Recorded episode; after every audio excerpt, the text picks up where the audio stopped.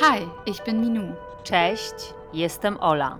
Und das ist Backstage, ein bilingualer Podcast über Künstlerinnen im Exil. To jest dwujęzyczny podcast pod tytułem Backstage Kilka dziewczyn i teatr.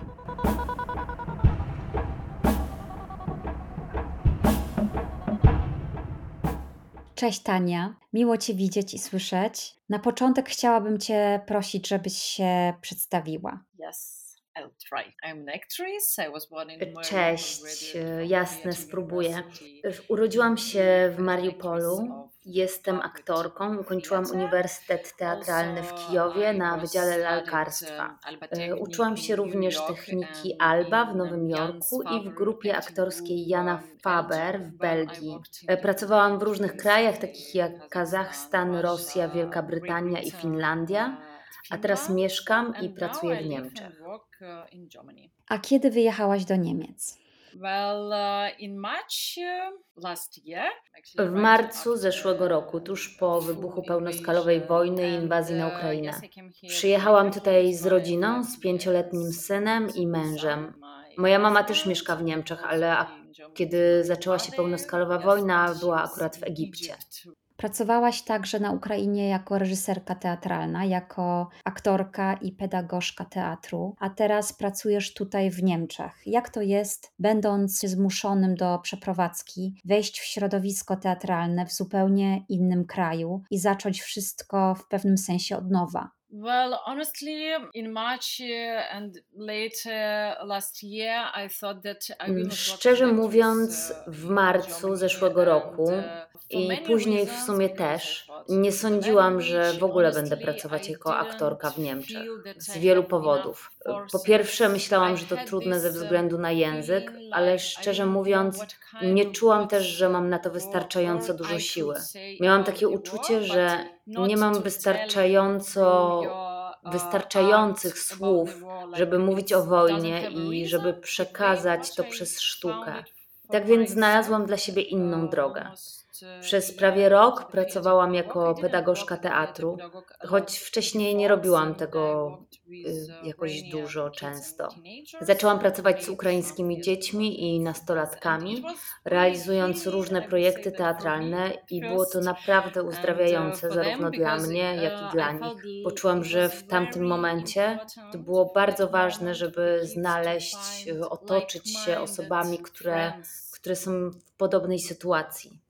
Czy był kiedyś jakiś moment, kiedy poczułaś i powiedziałaś sobie, że teraz chcesz znów pracować w teatrze w Niemczech? Bo mówiłaś, że na początku w ogóle nie, nie sądziłaś, że to będzie możliwe. Tak, powiedziałabym, że to był zbieg okoliczności, wielu okoliczności. Jedną z nich było otrzymanie stypendium od Berlinale i też rozpoczęłam pracę w teatrze Morgenstern jako pedagogzka teatru. E, A potem pomyślałam, że może mogłabym nie tylko pracować z dziećmi, ale także dla dzieci. Stworzyłam przedstawienie pod tytułem Plastic Rauper. Jest to przedstawienie lalkowe z elementami recyklingu skierowane do dzieci. Sprawiło mi to bardzo dużo przyjemności i przypomniało, że to jest dobre, fajne uczucie. Przez 20 lat pracowałam jako aktorka i teraz, gdy rozpoczęła się wielka wojna i tak wiele rzeczy się zmieniło, było to dla mnie bardzo trudne i zaczęłam się zastanawiać, dlaczego sobie tego odmawiam. Występowanie dla dzieci dało mi naprawdę bardzo dużo radości. A potem zdecydowałam się wysłać informacje o sobie do reżyserów filmowych, aby poznać branżę filmową w Niemczech i odkryłam, że istnieją platformy dla aktorów i twórców filmowych w Niemczech, takie jak e, na przykład United Crew. I umieściłam informacje o sobie i nawet dostałam małą rolę w serialu dla platformy Netflix. Tak, to było naprawdę zabawne, bo pomyślałam, że wszystko się powtarza, że muszę teraz zacząć wszystko, czy że zaczynam wszystko od samego początku. Około 15 lat temu zaczęłam karierę w Ukrainie, grałam pielęgniarkę w serialu telewizyjnym i miałam do powiedzenia może zaledwie 4,5 zdania. A teraz po 15 latach miałam małą rolę i musiałam mówić po niemiecku. Tak, jeśli zaczynasz życie w innym kraju, zaczynasz wiele rzeczy od zera. To jest jakby pusta kartka. ale postanowiłam się tym bawić i było naprawdę fajnie. To była zabawa, bo wiesz, to jest plan filmowy. Jestem tutaj i wszystko działa jak taki duży mechanizm, duży zespół. Było fajnie wrócić. Czy trudno ci to zaakceptować, to, że zaczynasz od nowa? Hmm, wiesz, e, powiedziałabym, że z jednej strony tak. To jest trudne rozpoczęcie od nowa, bo nie dotyczy to tylko kariery, życia zawodowego, ale zaczynasz wiele rzeczy od zera. Ale z drugiej strony myślę, że wojna sprawiła, że moja rodzina stała się dla mnie bardzo ważna. To, że jestem z nimi, widzę jak mój syn dorasta, przytulam męża i problemy z karierą stały się mniej ważne. Nie powiedziałabym, że są mniej istotne, ale nie poświęcam im tyle uwagi. I to jest interesująca zmiana. Te wartości się teraz inaczej rozkładają, bo wcześniej było dla mnie ważne, że mam rodzinę i kocham ich, ale też dużo poświęcałam karierze, problemom z karierą. Ciągle musiałam coś robić, chciałam grać główne role w filmach, w teatrze i tak dalej. Ale teraz to jest mniej ważne. Mimo wszystko staram się dawać z siebie wszystko, więc tak to wygląda. Tak jak powiedziałaś, skupiasz się teraz bardziej na pracy pedagogicznej i realizujesz projekty z dziećmi. Jakie to są te projekty? Jak w ogóle pracujesz z młodymi ludźmi? To zależy od projektu. Część projektów realizuję tylko z ukraińskimi nastolatkami, ale w zeszłym roku, z okazji Nowego Roku, wspólnie z moimi przyjaciółmi, e, reżyserką Julią Mili Setawa, przygotowałyśmy projekt z nastolatkami. E, było to przedstawienie Stickman. W polskiej wersji tytuł brzmi Pan Patyk, autorstwa Julii Donaldson. Rozmawiałyśmy w tym spektaklu o domu i o tym, jak się w nim czujemy. Głównym celem było zintegrować dzieci, pędzić fajnie czas, nawiązać nowe przyjaźnie i poruszyć tematy, o których często nastolatki nie rozmawiają z powodu różnych problemów w życiu codziennym. Dzieci ukraińskie często są samotne w niemieckiej szkole, brakuje im przyjaciół i poczucia przynależności, poczucia domu. E, dlatego też postanowiłam zrealizować e, jeszcze inny projekt, o którym Ci e, teraz opowiem. To był projekt skierowany do młodszych dzieci w wieku od 4 do 7 lat, zarówno niemieckojęzycznych, jak i ukraińskojęzycznych. Ja mówiłam po ukraińsku i współpracowałam przy tym projekcie z koleżanką Larisą, która mówi po niemiecku, a między sobą rozmawiałyśmy po angielsku, tłumacząc dzieciom na niemiecki i ukraiński i czasami było z tego powodu ogromne zamieszanie, ale jednocześnie było to bardzo ekscytujące, e, aby połączyć dzieci w ten sposób. Ten projekt powstał z doświadczeń z moim synem, pomysł na ten projekt. Mój syn ma 5 lat i niedawno zaczął chodzić do niemieckiego przedszkola, i dla niego było to bardzo trudne ze względu na język. Nie chciał tam chodzić, powiedział, że go nikt nie rozumie.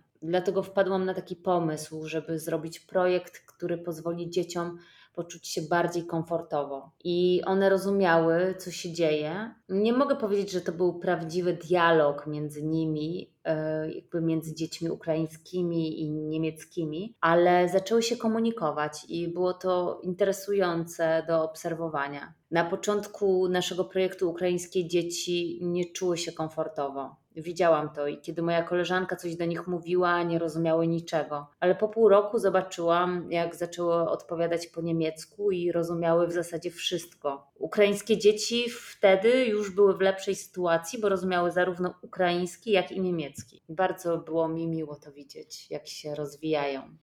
Czy uważasz, że edukacja artystyczna i kulturalna może pomóc młodym dzieciom poradzić sobie z, z, doświadczeniem i uczuciami, jakie mają wobec wojny i sytuacji, w której się znaleźli? Jestem pewna, że może, ponieważ poprzez sztukę, czy to przez aktorstwo, rysunek, taniec, y, mogą wyrazić swoje uczucia.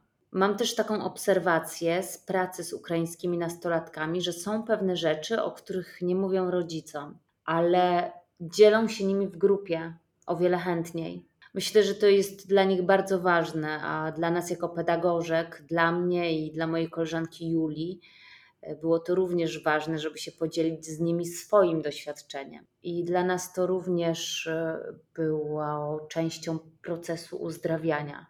Wspomniałaś wcześniej o projekcie na temat ojczyzny, w którym pracowałaś z ukraińskimi dziećmi. Chodzi mi o Stigmana, pana Patyka po polsku.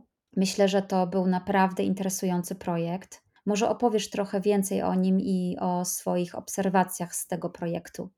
Pan Patyk to bardzo ładna, pisana wierszem historia. Jak już wspominałam wcześniej, autorstwa Julie Donaldson, brytyjskiej autorki znanej na całym świecie. Opowiada o panu Patyku, który poszedł pobiegać. Potem bawił się z psem i dziećmi, które potem go rzucały do rzeki. Rzeka zaniosła go do morza. Cały czas próbował powiedzieć, że jest osobą, że żyje, że nie jest zabawką, że chce wrócić do domu i chce spędzić święta Bożego Narodzenia z rodziną. W pewnym momencie spektaklu poprosiliśmy dzieci, żeby napisały, co zrobią, gdy wrócą do domu. I napisały małe monologi żeby to zrobili podczas przedstawienia, gdy rodzice i widzowie siedzieli w sali i zauważyłam dużo emocji. Ktoś płakał, ktoś się uśmiechał. Dla wszystkich był to moment małego katarzji. Rodzice widzieli swoje dzieci i trzymali je w ramionach. Myślę, że to był bardzo piękny moment, bo scena i teatr sprawiają, że człowiek staje się większy i zauważa rzeczy, których wcześniej nie dostrzegał. Jeszcze jedno pytanie. Rozmawiałam z różnymi ukraińskimi aktorkami i artystami. Wielu z nich powiedziało mi, że doświadczenie wojny i ostatniego roku zmieniło sposób, w jaki pracują jako aktorki i reżyserki. Zastanawiam się, y, czy tak czujesz. Czy to doświadczenie zmieniło coś w Twojej pracy jako pedagogzki teatru i aktorki? Zawsze pracuję na bazie swoich doświadczeń i nie wyobrażam sobie, jak można pracować bez tego, jak można odciąć się od doświadczenia. To jest pierwsza rzecz. Druga rzecz, bardzo precyzyjnie, dokładnie wybieram projekt. Przedtem myślałam, że jest bardzo trudno znaleźć odpowiednie słowa i trzeba być bardzo ostrożnym, gdy mówisz o wojnie, ponieważ uważam, że to ważne, jak i co mówię bo w tym momencie nie tylko reprezentuję siebie, ale także moją ojczyznę. Ale nie można nie mówić o wojnie, to jest niemożliwe. Mogę powiedzieć, że mam szczęście być częścią projektu i spektaklu Zielone Korytarze w teatrze Münchner Kammerspiele. Premiera tego spektaklu odbyła się w kwietniu. Y, dramat został napisany przez ukraińską dramatopisarkę Alinę Horlowa i ja myślę, że to jest naprawdę genialny materiał. Opowiada o czterech kobietach, które są jakby zmuszone do opuszczenia Ukrainy. I historia zaczyna się od momentu, kiedy stoją na granicy. A spektakl kończy się, kiedy wracają do Ukrainy, ale potem jak spędziły trochę czasu w Europie. Mówi o wielu problemach dotyczących imigrantów, Ukraińców, Europejczyków, naszego i ich zdania. To bardzo fajne uczucie być częścią takiego rodzaju produkcji, bo dzięki temu mogę wyrazić swoje myśli i uczucia. Czy można jeszcze obejrzeć ten spektakl? Jest nadal grany? Tak, to jest trwający projekt i są kolejne przedstawienia w repertuarze. Naprawdę bardzo polecam wszystkim zobaczenie tego spektaklu. Super, dzięki. Ale nadal bardzo ważną częścią mojej twórczości jest teatr lalkowy, chociaż moja droga do niego była dość nieoczekiwana. Chciałam być aktorką i pojechałam do Kijowa na egzaminy na Kijowski Narodowy Uniwersytet Teatru, Kina i Telewizji imieniem Iwana Karpenki-Karego, ale nie dostałam się. I ktoś tam doradził mi, że powinnam spróbować teatru lalkowego że to jest dobry kierunek i prawie to samo, żeby się nie martwić, bo potem mogę też pracować jako aktorka, ale będę miała również bardzo dobrą umiejętność lalkarstwo. I tak naprawdę uważam, że to był jeden z moich najlepszych wyborów w życiu, że zdecydowałam się spróbować i otworzyło mi to jakby inny świat, ponieważ w teatrze lalkowym możesz robić wszystko i wciąż mnie to inspiruje. Hmm, tak, to fajne i bardzo interesujące. Ja mam wrażenie, że teatr lalek to też bardzo ważna rzecz. Kiedy byłam młodsza, uwielbiałam chodzić do teatru lalek, naprawdę. Ale teraz mam wrażenie, że jest coraz mniej przedstawień lalkowych i zastanawiam się, czy też tak czujesz. Jakie masz zdanie na ten temat? Myślisz, że teatr lalek umiera, kończy się? Nie, nie mam takiego wrażenia, wręcz przeciwnie. Na przykład w Charkowie istnieje wspaniały teatr lalek. Niektóre przedstawienia lalkowe, które tam widziałam, są dla dorosłych i są naprawdę świetne. Tutaj w Niemczech dopiero zaczynam poznawać teatry lalkowe, ale na przykład w Schaubine robią różne ciekawe eksperymenty z różnymi materiałami. Są bardzo kreatywni. Wiesz, jest taki spektakl, który widziałam w Londynie, War Horse, e, grany przez 9 lat, zawsze z pełną widownią. E, Spielberg po obejrzeniu tego spektaklu powiedział, że płakał jak go oglądał i ten spektakl go zainspirował, żeby nakręcić film na podstawie tej historii. A główną postacią w tym spektaklu jest ogromny koń. Oczywiście to jest lalka. Nie, nie mogę powiedzieć, że teatr lalek umiera. Znajduje on bardzo interesujące formy. Czasem jest to połączenie teatru lalkowego z teatrem dramatycznym czy innymi rodzajami teatru. Być może czasami on nie jest po prostu postrzegany czy reklamowany jako teatr lalek, bo nie ma takiej informacji, że spektakl jest spektaklem lalkowym. A czy będziesz grała w najbliższym czasie w jakimś spektaklu lalkowym? Masz w planach jakiś nowy projekt z udziałem lalek? Wiesz, przez ostatni rok mam plany na najbliższe trzy dni i to wszystko. Więc nie wiem, ale mam nadzieję, bo uwielbiam grać z lalkami. Chciałabym się dowiedzieć więcej e, trochę o Twojej pracy zawodowej, bo pracowałaś w różnych krajach, e, w tym także grałaś w rosyjskich produkcjach. I gdy o tym przeczytałam, pomyślałam, że to jest interesujący aspekt, bo wojna nie zaczęła się w zeszłym roku, trwa dłużej i jestem ciekawa, czy kiedykolwiek było to problemem, to, że pracujesz również przy rosyjskich produkcjach. Mm, wiesz, dla mnie to pytanie jest dużo bardziej skomplikowane i trochę wykracza tylko poza życie zawodowe, ponieważ mój mąż jest Rosjaninem. Poznaliśmy się w 2013 roku i kilka miesięcy później zaczął się Majdan. E, byliśmy razem na protestach na Majdanie, a potem byliśmy razem na Placu Czerwonym na niektórych protestach i to było częścią naszego życia. A potem kilka lat później wzięliśmy ślub w Lwowie i byli na nim przyjaciele z Moskwy i z Ukrainy z mojej strony. I wiesz, myśleliśmy, że miłość może zwyciężyć wojnę. Tak, no ale niestety zło było o wiele silniejsze. Niestety nie rozumieliśmy tego 8 lat temu, a może już 9 czy 10 lat temu. I dlatego nie tylko pracowałam przy rosyjskich produkcjach, ale również mieszkałam w Rosji. Tak, dla mnie to jest w ogóle też smutny temat, ponieważ przed inwazją na Ukrainę, wybuchem pełnoskalowej wojny, myślę, że mogę powiedzieć o sobie, że nie zwracałam tak wiele uwagi na wojnę. Rozmawiałam również z innymi ukraińskimi aktorkami, artystkami, które mówią, że teraz ukraińska kultura potrzebuje naprawdę być wzmocniona, potrzebuje wsparcia i nie możemy pozostawiać miejsca dla rosyjskiej kultury. I kiedy to usłyszałam, zaczęłam się zastanawiać, czy można w ogóle dokonać takiego wyraźnego, sztywnego podziału. To jest ukraińska kultura, a to jest rosyjska kultura. Czy te kultury nie miały wpływu na siebie przez lata? Jakie jest Twoje zdanie na ten temat? Na takie stwierdzenie, że musimy wzmocnić ukraińską kulturę i nie pozostawiać miejsca dla rosyjskiej kultury? Cóż, myślę, że to jest bardzo naturalna reakcja Ukraińców, żeby nie pozostawiać miejsca dla rosyjskiej kultury i nie chcieć współpracować z rosyjskimi artystami. Niestety, nawet jeśli chcemy to zrobić, nie możemy anulować, wymazać rosyjskiej kultury, zwłaszcza w Europie Zachodniej, gdzie nie jesteśmy w domu, nie jesteśmy u siebie. Możemy zrobić to w Ukrainie, ale nie możemy zrobić tego w Europie. Ale co możemy zrobić? Możemy zrobić wszystko, co w naszej mocy, tak aby wzmacniać naszą kulturę i realizować projekty w taki sposób, żeby były w centrum uwagi. Tak, to co mówisz jest moim kolejnym pytaniem.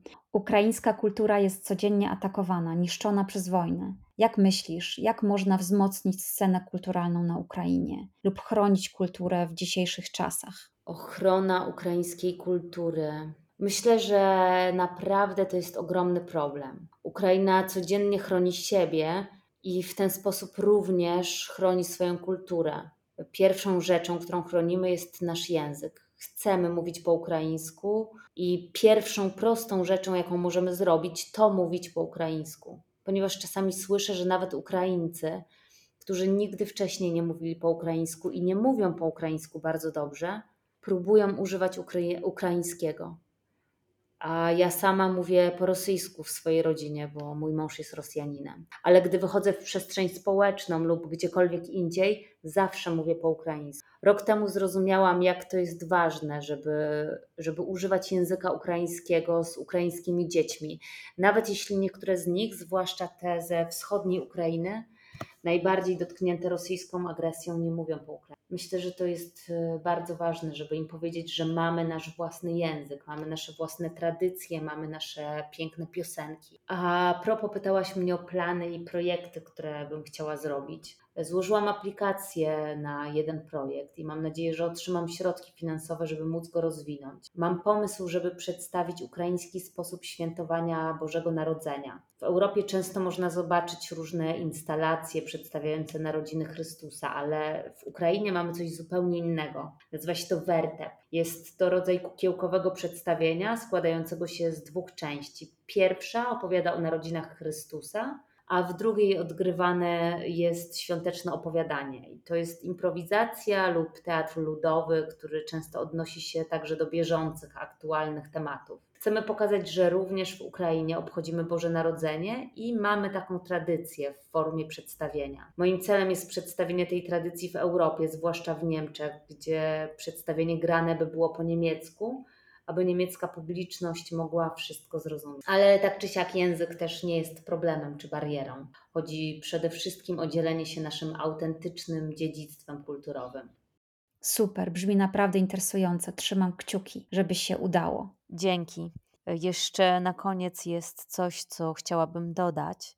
Chciałabym podziękować wszystkim, którzy pomagają Ukrainie w walce z tym złem, z którym się mierzy. Widzę, że wielu ludzi pomaga, ale chciałabym prosić, żeby więcej pomagać. To jest bardzo ważne, nie tylko dla Ukrainy. Uważam, że to jest ważne dla całego świata, aby wspierać Ukrainę.